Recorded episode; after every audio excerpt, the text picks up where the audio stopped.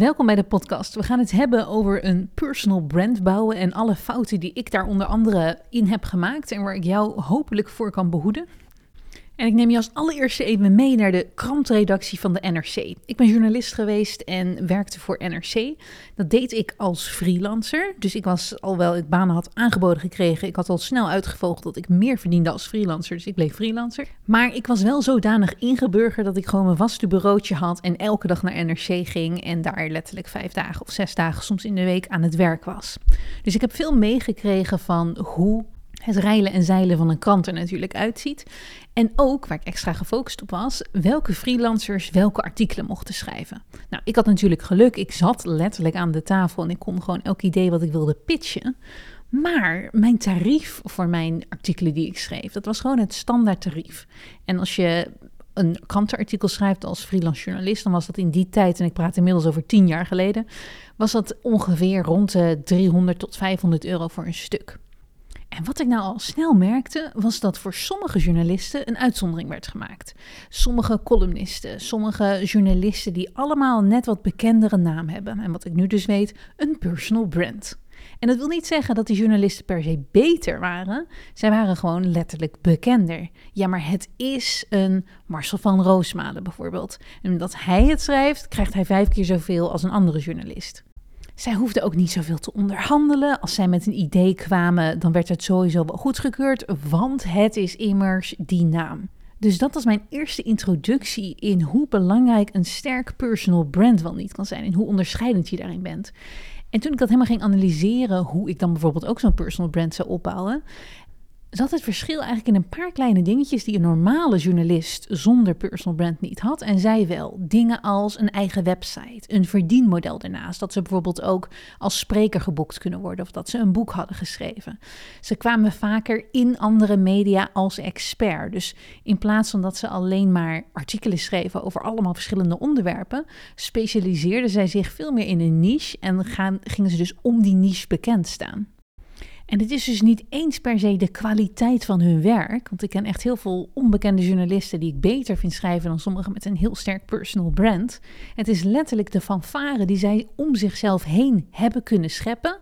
Het bedrijf wat ze van zichzelf hebben gemaakt, het personal brand, in plaats van dat je jezelf ziet als iemand die hopelijk wordt ingehuurd door een krant zoals, of een magazine, zoals een normale journalist. Nou, en dat is ook gelijk het heerlijke aan een personal brand. Je hebt er ongelooflijk veel invloed zelf op. En heel veel van de dingen voor je personal brand kan jij in je eentje achter je computer allemaal gaan regelen. Vandaag of morgen heel even snel een beetje backpeddelen om alle neuzen dezelfde kant op te krijgen. Als ik dus praat over een personal brand, waar heb ik het dan over? Het verhaal wat jij over jezelf vertelt, online en offline, aan de wereld. En tegelijkertijd ook het verhaal wat andere mensen over jou vertellen. Dus jouw imago in de wereld. En ik focus me zoals altijd vooral even op de online wereld. Want je kan een hartstikke leuke meid zijn in real life. Uh, en daar een personal brand hebben opgebouwd. Dus een, een, reputatie hebben opgebouwd met je personal brand. Maar ik ben vooral geïnteresseerd om mensen te helpen met hun online personal brand. Dus hoe ben jij online bezig jezelf te laten zien en hoe kijken mensen naar jou? En als ondernemer zitten er ongelooflijk veel voordelen aan een sterk personal brand hebben.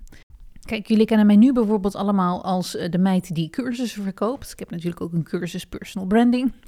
Ehm, maar als ik volgende week opeens besluit mijn leven om te gooien en een hotel te openen of een truienmerk te beginnen. Ogenblikkelijk heb ik al markt voor die beide bedrijfsmodellen. Mensen uit mijn niche, mensen die mij nu volgen op Instagram of op andere kanalen, die zullen op het moment dat zij toevallig naar een trui op zoek zijn of naar een leuk hotel op zoek zijn, zullen denken aan mijn hotel en mijn truienmerk gewoon puur omdat ze dus in mijn community zitten. Dus voor al onze multi-passionate ondernemers out there, een sterk personal brand zorgt ervoor dat jij inderdaad heel erg lekker gewoon allerlei verdienmodellen kan lanceren. En dat dus de grote samenhangende rode draad, dat ben jij. En je stuurt mensen naar verschillende verdienmodellen. Met een sterk personal brand is het ook makkelijker om dingen te verkopen. Want mensen houden ervan als ze kunnen vertrouwen dat het product wat ze willen gaan kopen, dat dat van iemand komt waarvan ze het idee hebben dat ze je kennen. Als jij een nieuw huis wil kopen en je twijfelt tussen welke makelaar je moet kiezen. En er is één makelaar die je al een paar maanden of een paar jaar volgt op Instagram. Die, die laat telkens hele leuke huizen zien en leuke stukjes van haar leven. En die is helemaal aanwezig als personal brand. En er is een compleet onbekende makelaar waarvan je gewoon alleen een saaie website ziet. Dan is de kans veel groter dat je voor die leuke makelaar kiest. Ook al zijn haar prijzen misschien net wat hoger. Maar het voelt vertrouwd en je gelooft het meer. En zelfs, en dat is ook een hele belangrijke, als je haar nog nooit zou hebben gevolgd, maar je bent gewoon letterlijk twee websites aan het vergelijken. En bij de een zie je dat de volgersaantal in de 5000 zit en ze gisteren nog een post heeft gedaan en heel actief lijkt te zijn. En de ander opnieuw, geen idee, crickets, daar moet je voor bellen om contact mee te maken. Opnieuw is het makkelijker om voor die persoon te gaan die zich online laat zien met een personal brand. Nou, en daarmee rollen we gelijk in de allereerste fout die, wat, je, wat je verkeerd kan doen. En dat is letterlijk niet voorbereid zijn. Niet voorbereid zijn op kansen die op je afkomen, op klanten die jou googelen, op mensen die business van jou willen. En jij hebt werkelijk geen idee, want jij bent lekker thuis aan de barbecue. En jouw website ziet er helemaal prut uit. En je hebt dus niet door hoe vaak jij wordt afgewezen. Even een voorbeeld uit eigen leven. Ik krijg, uh, of mijn team, want mijn team doet mijn mail. Die krijgen heel vaak mailtjes binnen van mensen die bijvoorbeeld een samenwerking willen doen of zich aanbieden als bonus bij een van mijn cursussen. En een van de allereerste dingen die ik natuurlijk aan mijn team heb gevraagd en wat ik ook onmiddellijk zelf zou doen, is altijd kijken hoe diegene zich online presenteert. Wie is dit? Is het inderdaad een expert ergens in? En waar blijkt dat uit? En acht van de tien keer is dat online plaatje van hen, een online personal brand, is niet op orde. Als in sites die nog onder constructie zijn, oude dingen die er nog staan.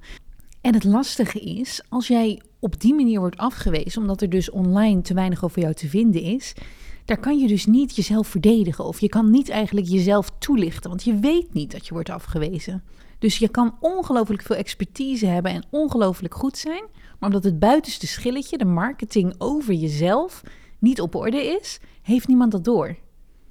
En verlies je dus eigenlijk opdrachten, klanten, volgers aan mensen die misschien minder goed zijn dan jij, maar het wel beter aan de buitenwereld kunnen verkopen. En dat is dus je personal brand wat je op orde wil hebben. Dus het liefste, voordat je jezelf bij iemand gaat pitchen of voordat jij jezelf iets online gaat verkopen, ga je eerst eventjes vijf minuten nadenken, wat gaat deze persoon doen? Deze persoon gaat waarschijnlijk als allereerste kijken wie ik ben online. Dus hoe, wat krijgen ze te zien en hoe kan ik dat zo aanpassen dat het klopt bij wat ik graag van ze wil, met, met ze wil bereiken. Dat ik die samenwerking krijg of dat ik die opdracht krijg.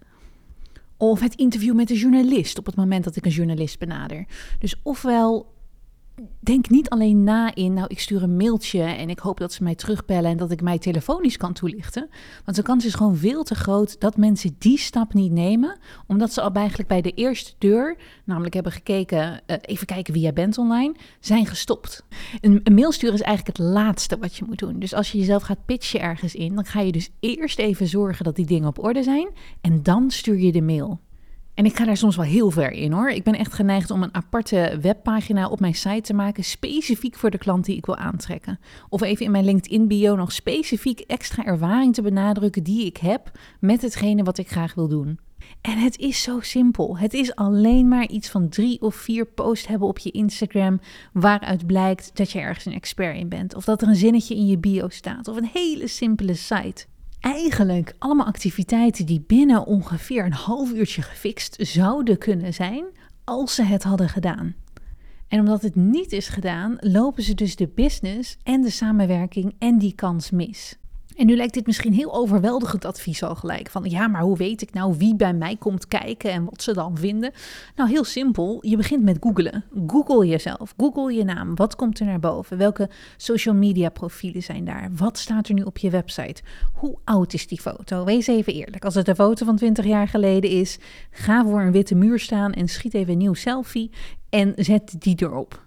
Kijk even naar je LinkedIn-profiel. Is, is het daar nog allemaal up-to-date of is dat allemaal heel erg oud? Ik heb een lijst, een personal branding checklist, waar ik een stuk of, wat zal het zijn, ik zit er naar te kijken, een stuk of twintig punten of iets heb, wat je allemaal wel niet kan doen qua personal branding om jouw brand sterker te maken. En wat er bijvoorbeeld onder andere op staat, maak een personal branding video. Heb een blog of een interview met je verhaal klaar. Heb een professionele en een leuke bio voor op je website. Heb reviews over jou op je website. Kortom, allemaal dingen waar jij niemand anders voor nodig hebt. Alleen jij, je computer en een uurtje tijd om daar even aan te zitten. En nu zul jij waarschijnlijk niet alle onderdelen van deze lijst snappen, want deze komt dus helemaal uit de cursus. En ik leer mijn cursisten uit de cursus Personal Branding elk van deze punten aan en hoe je dat dan doet. En daar geef ik tips over. Als je mijn cursus niet gaat doen, dan moet je het op eigen houtje doen. maar wellicht um, heb je er toch al wat aan. Ik zal hem hieronder in de show notes uh, linken. En als hij daar nog niet staat, als je zo meteen kijkt, dan uh, moet je even over een paar dagen terugkomen. Want dan staat hij hier wel.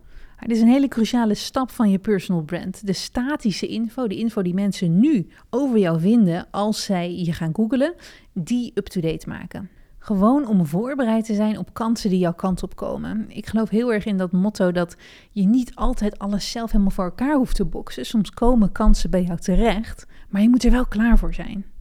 Nou, dan gaan we naar de tweede fout die je wat mij betreft kan maken als het om een personal brand gaat. En dan gaan we het even hebben over social media profielen en dan even specifiek Instagram. Op het moment dat jij besluit, ik ben een ondernemer en ik ga mezelf als ondernemer presenteren met een personal brand, dat is helaas het einde van jouw persoonlijke Instagram. De Instagram waar je fotootjes van je kinderen en bloempjes en, en je lekkere, lekkere leuke taarten die je hebt gebakken plaatst, je foto's van de vakantie, die moet weg. En met weg bedoel ik niet per se dat je die helemaal van internet moet afgooien, maar die moet helemaal op privé staan, niet echt te vinden zijn, misschien een ander naampje gebruiken, zodat het niet dezelfde naam is als jouw personal brand. Want op het moment dat ik jou Google en ik kom op jouw vakantiefoto's terecht, dat is gelijk een afknapper voor je personal brand. Je hebt ongeveer drie seconden om een indruk te maken.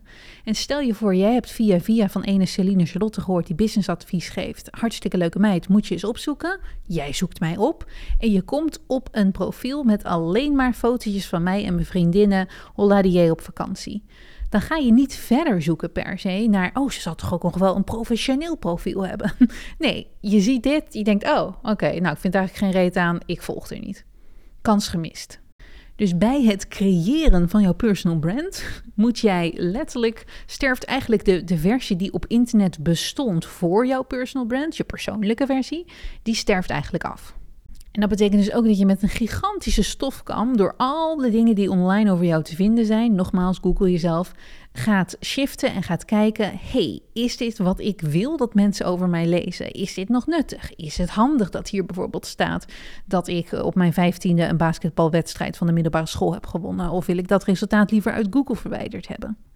Dus de gedachte, het kan niet kwaad, kan er gewoon staan. Nee, het kan wel kwaad. Probeer zoveel mogelijk te sturen. En niet alle resultaten zal je kunnen verwijderen. En dan is letterlijk de enige andere oplossing zo ontzettend veel content en resultaten erbij maken. Die jouw personal brand juist heel erg uitdragen. Dat die basketbalwedstrijd wordt ondergesneeuwd. Nou, de derde fout die je kan maken rondom een personal brand, en hier heb ik me zeker ook zelf schuldig aan gemaakt, is een beetje zitten te zoeken en te twijfelen over waar je nou precies over mag delen. Want het is natuurlijk bij een personal brand de balans tussen dit zijn mijn professionele topics waar ik als expert bekend om wil staan. En dit zijn alle leuke gekke dingetjes die ik leuk vind in mijn leven om te delen. Bij mij bijvoorbeeld, ik vind het leuk om over New York te delen. Ik vind het leuk om over mijn hond te delen. Misschien als ik zo meteen moeder ben, vind ik het leuk om over mijn baby te delen. En daarnaast is natuurlijk mijn hele business een gigantisch topic. Maar hoe besluit ik nou waar ik over deel en wat ik dan deel en hoeveel ik nou over wat deel? Nou, heel simpel. Mijn definitie, en als je in mijn cursus zit, dan leer ik je dat aan. Als ondernemer moeten de dingen waar je over deelt, en dat noem ik je topics, en kies daar max vijf uit. Je topics moeten allemaal naar jouw verdienmodel leiden. En jouw verdienmodel is dus de manier waarop jij geld verdient. Dus als jij een coach bent die cursussen verkoopt, zoals ik dat ben, dan moeten alle topics waar ik het meeste over deel, waar ik het onbekend wil staan, als je op mijn Instagram komt dat je in één klap ziet, aha, zij praat hierover, die moeten allemaal eigenlijk via kleine omweggetjes leiden naar er komen mensen mijn cursussen kopen. Deze topics, en er zitten hier nog allemaal, er zitten hele filosofieën en um, structuren aan die ik je leer in mijn cursus. Maar deze topics, die moeten allemaal ook met elkaar in verbinding staan. Als in het ene topic mag het andere topic niet afstoten. Dus stel je voor dat ik, mijn topics zijn nu bijvoorbeeld, ik praat over natuurlijk online marketing, ik praat over efficiënter werken, ik praat over personal brand, ik praat over Instagram en volgers. Allemaal dingen waar ik uiteraard cursus over heb. En dan kan niet opeens daartussen zitten en ik praat over mijn hond. Nou, dat heb ik heel veel gedaan over mijn hond gepraat. En dat doe ik nog steeds over mijn hond praten. Maar er is een periode geweest, ik weet niet of je me toen volgde, ik woonde in de woestijn. en ik, was niet zo, ik zat niet zo lekker in mijn wel. En eigenlijk het enige wat ik deed was telkens mijn hond op mijn Instagram zetten. Dus continu maakte ik leuke reels omdat ik het zo grappig vond hoe de hond deed. Nou, in die tijd ben ik letterlijk geen volgers erbij gekomen. Volgers haakten als een malle allemaal af. Want opeens was mijn hele personal brand aan het verkruimelen. En ik heb hier ook nog een podcast over hoe ik überhaupt uh, dat het niet mijn beste jaar was. Maar mijn personal brand was aan het verkruimelen omdat het mensen die geïnteresseerd waren in business niet per se geïnteresseerd waren in honden. En nu heb ik met een hond nog wel geluk dat een hond voor veel mensen die hebben zelf ook een hond te vinden, hondencontent dan nog best wel schattig. Maar het is te riskant om dat te doen. De hond past niet tussen die andere topics. Dus waar hoort de hond thuis? Nou, niet op mijn feed, niet op mijn website, niet in mijn podcast. Die hond hoort thuis in de kleine glimpjes die ze van mijn leven oppakken, onder andere in stories. Want stories is de plek op Instagram waar ik vooral aan het nurturen ben. Dus aan het de verbinding aan het leggen ben met de community die mij al volgt. En die de kijkjes achter de schermen willen. Maar mijn feed, hetgene waar mensen opkomen die een reel van mij voorbij zien komen en denken: hey, wat een handige tip. Ik moet even kijken wie deze meid is. Daar hoort die hond niet thuis. En tegelijkertijd, en daar hebben we het lekkere lastige van een personal brand. Als ik alleen maar over online marketing, sales, efficiënt werken en personal brand zou delen. En jullie zien niet een glimpje van mijn persoonlijk leven en van die hond af en toe. Dan is het weer, waarom zou je bij mij kopen? Want dan heb ik dus die vertrouwensband niet. Dus er zijn plekken waar je jezelf en de kleine, en ik noem het USP's, de kleine unique selling points van jou, waarom mensen jou leuk vinden om te volgen, waar je die kwijt kan. En in mijn cursus neem ik je helemaal mee, eerst in het ontdekken van die topics, met je niche, en daarna helemaal een lijst met de unique selling points die puur en alleen dus bij jou horen. Die heb ik dan weer onderverdeeld. Kijk, als je alleen maar bijvoorbeeld van mij zou weten dat ik een hond heb in New York woon, dat is heel weinig om van mij te gaan houden als personal brand. Dus daar moeten ook weer onderdeeltjes in zitten, die bijvoorbeeld, een van de dingen, voor een soort van admiratie zorgen. Hoe zeg je dat in het Nederlands? Bewondering. Dat je dus bepaalde successen van jezelf af en toe ook in jouw personal brand naar voren schuift. Ik ga hier nu niet dieper op in, maar wat je dus wel kan doen zelf is naar jouw Instagram feed gaan of naar welk, eh, als jij LinkedIn heel veel gebruikt, het kanaal waar jij aanwezig bent nu. En strak door de laatste twee maanden van content gaan die je naar buiten hebt gebracht. En bij elk ding denken, leidt dit uiteindelijk naar klanten toe? Is deze post die ik hier heb gemaakt, gaat dat ervoor zorgen dat mensen daarna geïnteresseerd zijn om mijn product te kopen? En dan als de nee is, simpelweg weghalen. Nu we toch een beetje in de Instagram tips zitten, ga ik het even over de volgende fout. En dat is eenzijdige content delen. Ik probeer op mijn feed en in mijn content um, een veelzijdigheid aan wat ik noem pijlers aan te pakken. Ik heb zes pijlers gedefinieerd in content voor je personal brand. En die pijlers helpen jou met besluiten: wat is nou eigenlijk het doel van deze post? Waarom maak ik dit? Wat is het effect wat ik wil bereiken? Nou, een van die pijlers is bijvoorbeeld inspiratie of ook wel admiratie. Het stukje dat mensen naar een post van jou kijken en denken: jeetje, wauw, dat is leuk, dat wil ik ook. Of wauw, wat een te gek resultaat. Of hey, wat inspirerend. En ik noem dit ook wel eens de kijk mij nou eens toch uh, content. En ik weet niet of je zulke influencers kent online. Ik zie ze vaak voorbij komen. Die hebben letterlijk bij elke post die ze maken, is het alleen maar. Ik verdiende lachend uh, eh, 5 miljoen zomaar zonder enige moeite. En ik heb zo'n vrij leven. Of ik ben zo lekker aan het reizen. Of ik heb zo lekker opgeruimd huis. Dus alle dingen die inderdaad hartstikke goed zijn voor ze. Good for you. Maar wat gebeurt er ondertussen met een personal brand? Dat wordt meer gebouwd rondom afgunst en daarna irritatie. Op het moment dat jij als volger nooit eens herkenning vindt in deze persoon, een andere belangrijke pijler, of nooit eens iets leert van deze persoon, ja, heel leuk dat je met 5 miljoen omzet, maar hoe dan? Hoe doe jij dingen dan? Dan raak je uitgekeken. Maar precies hetzelfde geldt voor accounts die alleen maar tips delen. Dus als je op een account zit en het heeft alleen maar educatieve tips, de acht tips om dit te doen, de vier tips om dat te doen, de vijf tips om dat te doen, voor een tijdje leuk, zeker als je in dat onderwerp geïnteresseerd bent.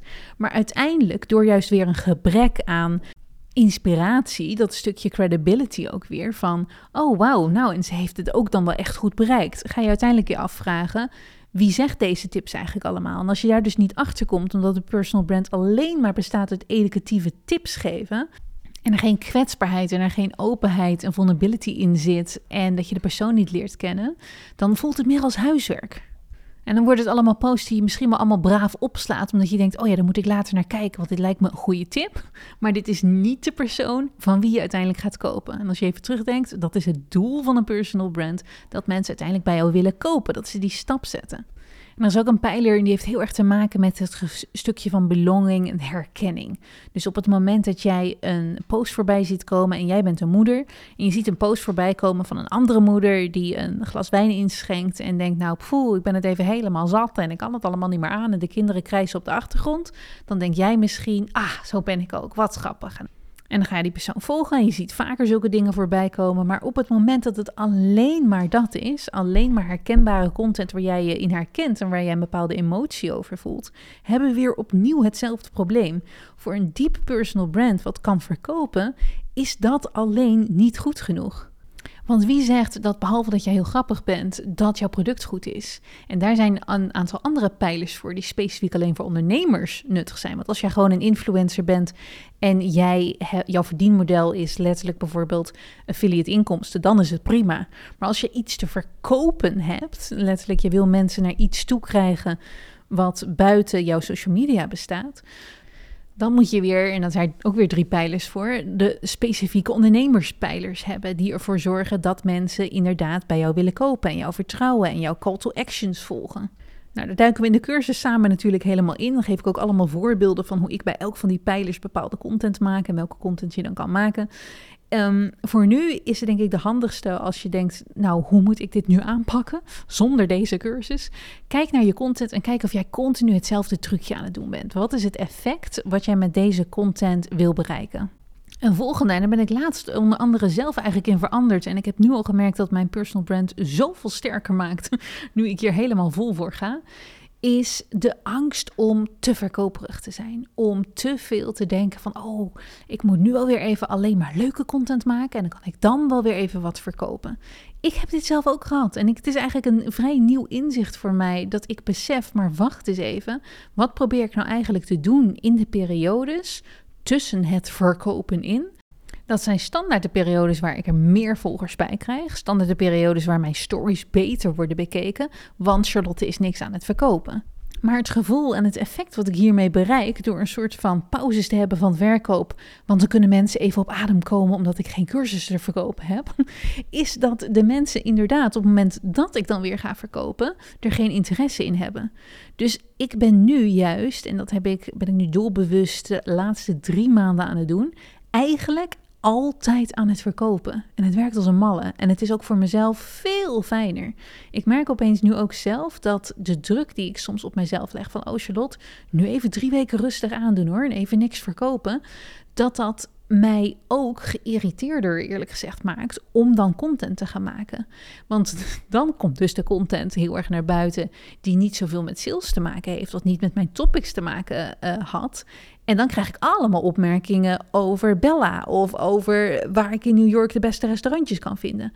En die content, daar vind ik niet leuk om op te reageren. en is het voor mij ook niet handig op te reageren, want dan heb ik alleen maar, ben ik daar tijd aan kwijt, terwijl het niet leidt naar een verdienmodel. En dat is nog goed te doen als je, als je 2000 volgers hebt. Maar op het moment dat je dus 70.000 volgers hebt en je krijgt 500 berichtjes per dag binnen over je hond, en je bent al die tijd kwijt om ze te beantwoorden of om daar content omheen te maken, dan denk je uiteindelijk, wat ben ik nou eigenlijk aan het doen? Al deze tijd had ook kunnen gaan naar letterlijk mijn verdienmodellen beter maken, mijn bedrijf beter maken. Dus ik ben nu heel erg strak op het ik verkoop eigenlijk altijd iets. En een van de meer subtielere manieren waarop ik dat altijd wel heb gedaan, is door continu te laten zien: ik ben een ondernemer. Kijk je achter de schermen. Maar ja, soms, en zo werk ik nou eenmaal, zijn er weken dat ik niet zo ontzettend veel aan mijn onderneming doe. En sommige weken ben ik helemaal in business mode en um, ben ik juist heel erg veel aan het ondernemen. En wat ik nu in mijn personal brand iets meer aan het veranderen ben, is dus dat de periodes dat ik niet werk en dat ik niet zo ontzettend veel aan mijn bedrijf doe, er is altijd wel iets wat ik doe en dat toch meer benadrukken. En toch weer eventjes een reel eruit gooien die iets met een van mijn verdienmodellen te maken heeft. Laten we zeggen een cursus die ik passief te koop um, aanbied. en nooit zoveel promotie over maak, dat ik dan even een reel maak en zeg: hey, je kan de cursus kopen over in de media komen. Klik hiervoor uh, deze weggever. En dat het dan toch zo gaat lopen. Dus wat mij betreft is een van de belangrijkste dingen die je ook maar kan doen als ondernemer, continu laten weten: ik heb wat te kopen en je kan het hier van me kopen. Want als je, daar dus, als je dat dus niet doet, en nu het dus op een lichte manier niet, maar ik weet dat heel veel mensen zijn die daar echt heel erg bang voor zijn om het te doen. Maar dan bouw je dus een volgersgroep op die dus ook niet gewend is dat jij dingen aan het verkopen bent. En jij moet eigenlijk een volgersgroep opbouwen die heel gewend is aan dat jij dingen verkoopt. En er blij om is als je iets aan het verkopen bent, want hé, hey, toevallig wil ik hier dit net kopen en heb ik dit nodig. Kortom, maak het ondernemerschap, maak jouw verdienmodellen echt een levend onderdeel van jouw brand. Nog een paar kleine dingen komen eraan. Als eerste, denk niet dat je een heel strakke branding vormgeving moet hebben. Ik moet mijn feed met hele mooie kleurtjes doen. Alles moet in dezelfde format passen. Ik ga een Canva templateje maken en dat zijn de enige manieren waarop ik quotes deel. Ik vind dat een beetje Instagram van vijf jaar geleden. Dus op het moment dat ik op een feed kom die heel strak en mooi en netjes georganiseerd is, mm, het voelt een beetje te bedacht. Het voelt een beetje te ouderwets. Het voelt een beetje, hier heeft iemand een keer zes middagen zitten knutselen en die heeft het daarna allemaal scheduled en dat komt dan nu online.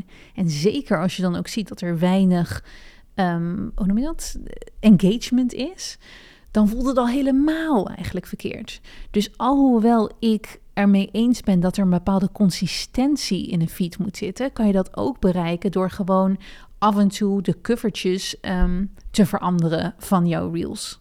Of dat jij een beetje dezelfde kleur kleren de hele tijd draagt. Een van de dingen die ik nu iets consistenter doe, ik weet niet of het je opvalt, is dat ik haarbanden en grote oorbellen draag. Letterlijk om iets van een consistentie aan te brengen, zonder dat ik te krampachtig erover ben. Volgende grote valkuil of fout die ik vaak zie gebeuren, is jezelf afzetten tegen je concurrentie op een manier dat jij eigenlijk zegt: Nou, al die andere mensen doen het allemaal fout en ik doe het allemaal heel erg goed.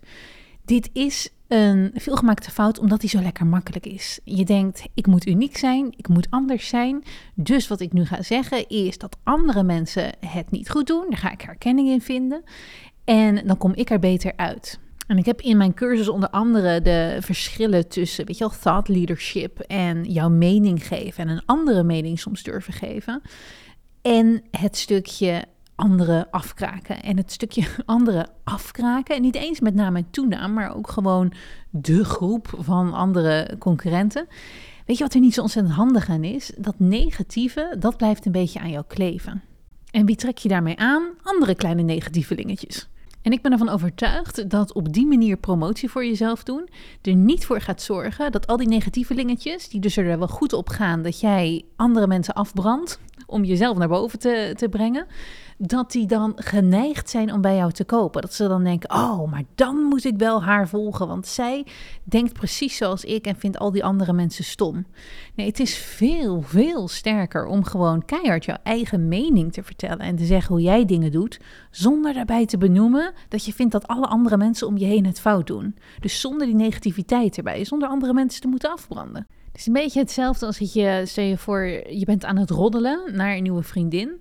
Die nieuwe vriendin die denkt onmiddellijk: Oh, ik kan haar niet vertrouwen, want ze zal ook wel over mij roddelen. Dus op het moment gewoon dat jij iets van negativiteit de wereld inbrengt, denk ik nooit dat het op een hele sterke manier ooit voor je zou gaan werken. Het werkt denk ik tijdelijk en het werkt ook bij mensen die zich dus dan aangetrokken voelen tot dat negatieve.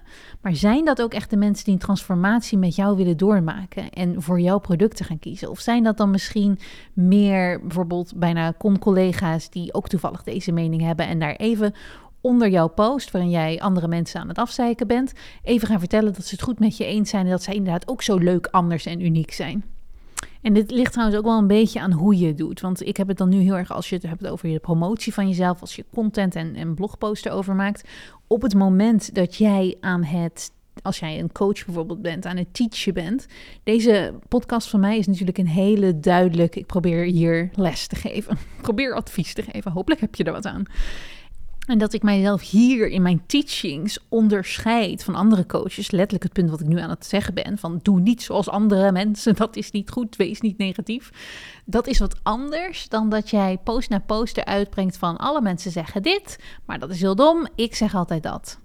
Het gaat namelijk ook om de frequentie en jouw communicatiestijl. Dus kijk weer opnieuw, kijk naar jouw post, kijk naar de, de vibe die je aan het uitbrengen bent. En mensen zitten vaak een beetje vast in een soort van: oké, dit werkte één keer, dus ik blijf dit soort posts maken. Maar jouw brand wordt er zoveel dieper en veelzijdiger van als jij van je eigen kracht uitgaat en ook veel meer gaat experimenteren met verschillende manieren hoe jij opvalt. En opnieuw, daar heb ik natuurlijk in de cursus filmpjes over om te leren hoe je het doet op een positieve manier. Nou, de laatste fout die ik met je wil doornemen, het is eigenlijk meer een tip als ik het zo lees. Het is niet echt een fout. Maar een van de dingen die je mij heel veel ziet doen, is proberen om content te maken waar ik continu op kan teruggrijpen.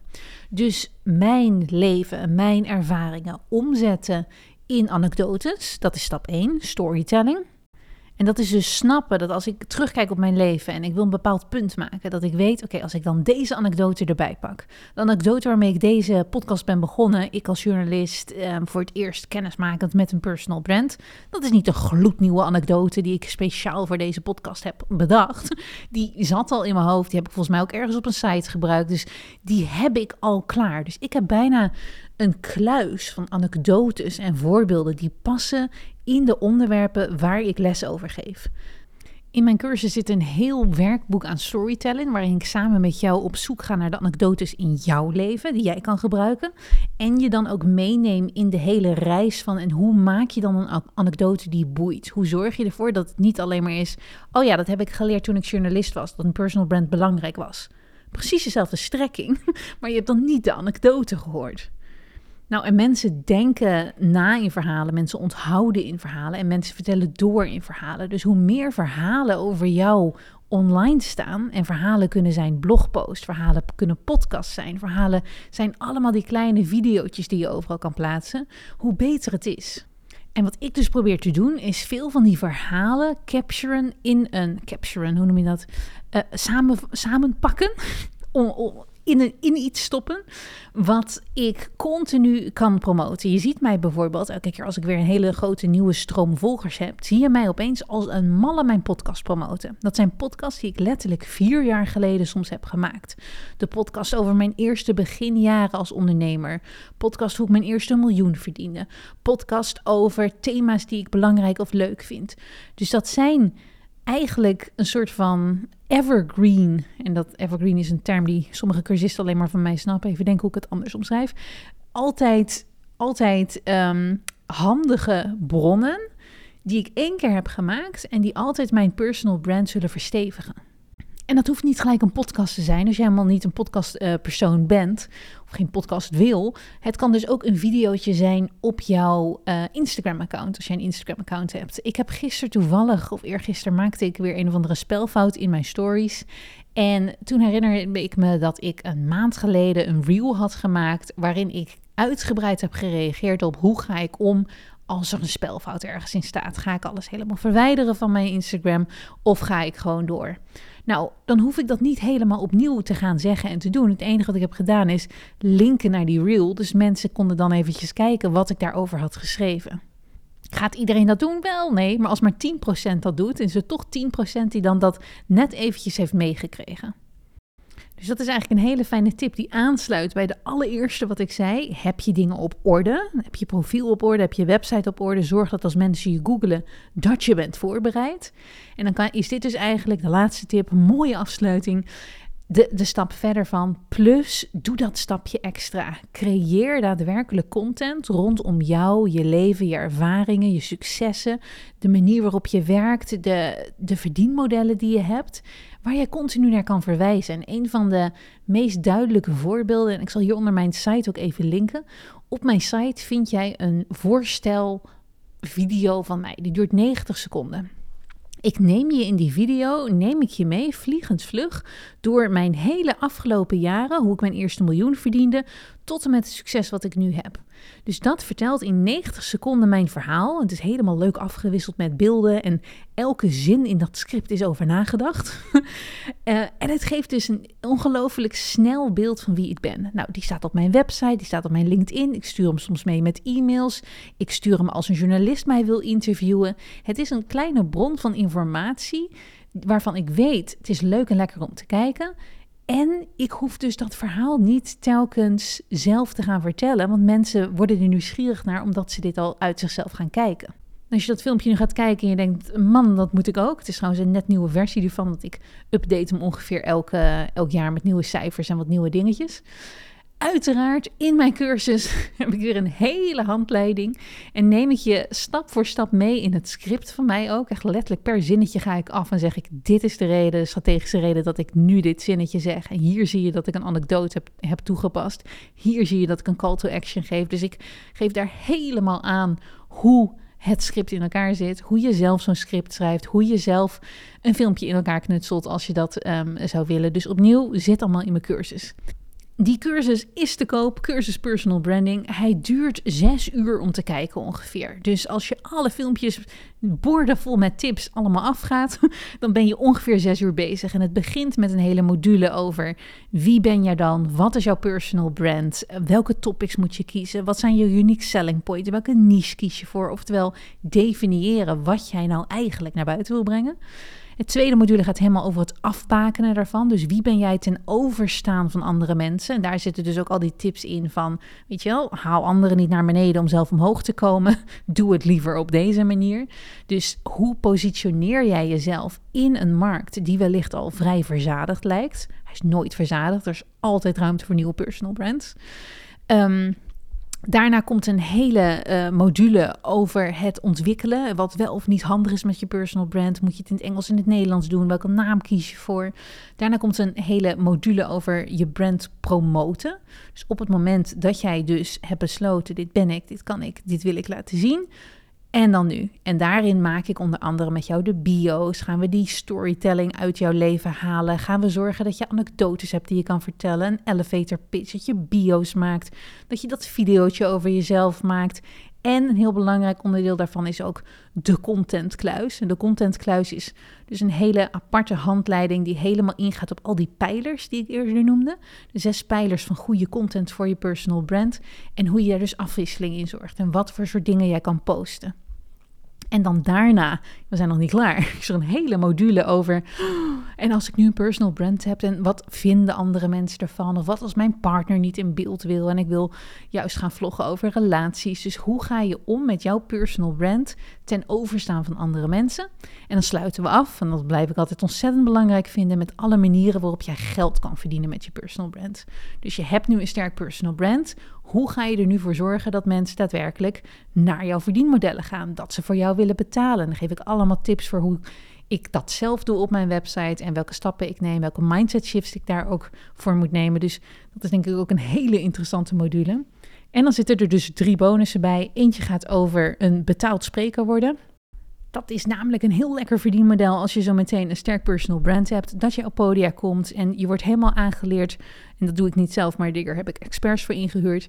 Om zelf jouw um, talk te maken en te snappen hoe je dus aan betaalde klussen komt. Eentje gaat over een non-fictieboek schrijven. Stel je hebt nu een sterk personal brand. Hoe ga je dat omzetten in een boek? Als het jouw wens is om een boek te schrijven, hoe vind je een uitgever? En de derde is je LinkedIn. Ik doe niet ongelooflijk veel met LinkedIn, maar een expert gevonden die dat wel doet en die jou alle ins en outs gaat vertellen over jouw LinkedIn-profiel en content op LinkedIn en hoe je op LinkedIn jouw personal brand heel erg kan versterken. Dus volgens mij is het een gigantisch waardevolle cursus waar je heel erg ver mee vooruit kan. Je kan hem helemaal op eigen houtje en tempo volgen en je kan ook gelijk beginnen. Kijk even goed voor de laatste details hieronder bij de show notes. En daar zet ik ook het linkje naar die checklist. Weet je nog waar ik helemaal in het begin over had? Een personal branding checklist. Dat je alles af kan gaan um, waarvan ik in de cursussen aan mijn cursisten leer hoe ze, hoe ze het moeten doen. Maar wellicht dat jij in je eentje al toch ook een klein beetje verder komt als je denkt van nou, daar, daar wil ik eens mee beginnen. Ik vond het heel leuk dat je luisterde. Dank je wel en tot op mijn Instagram.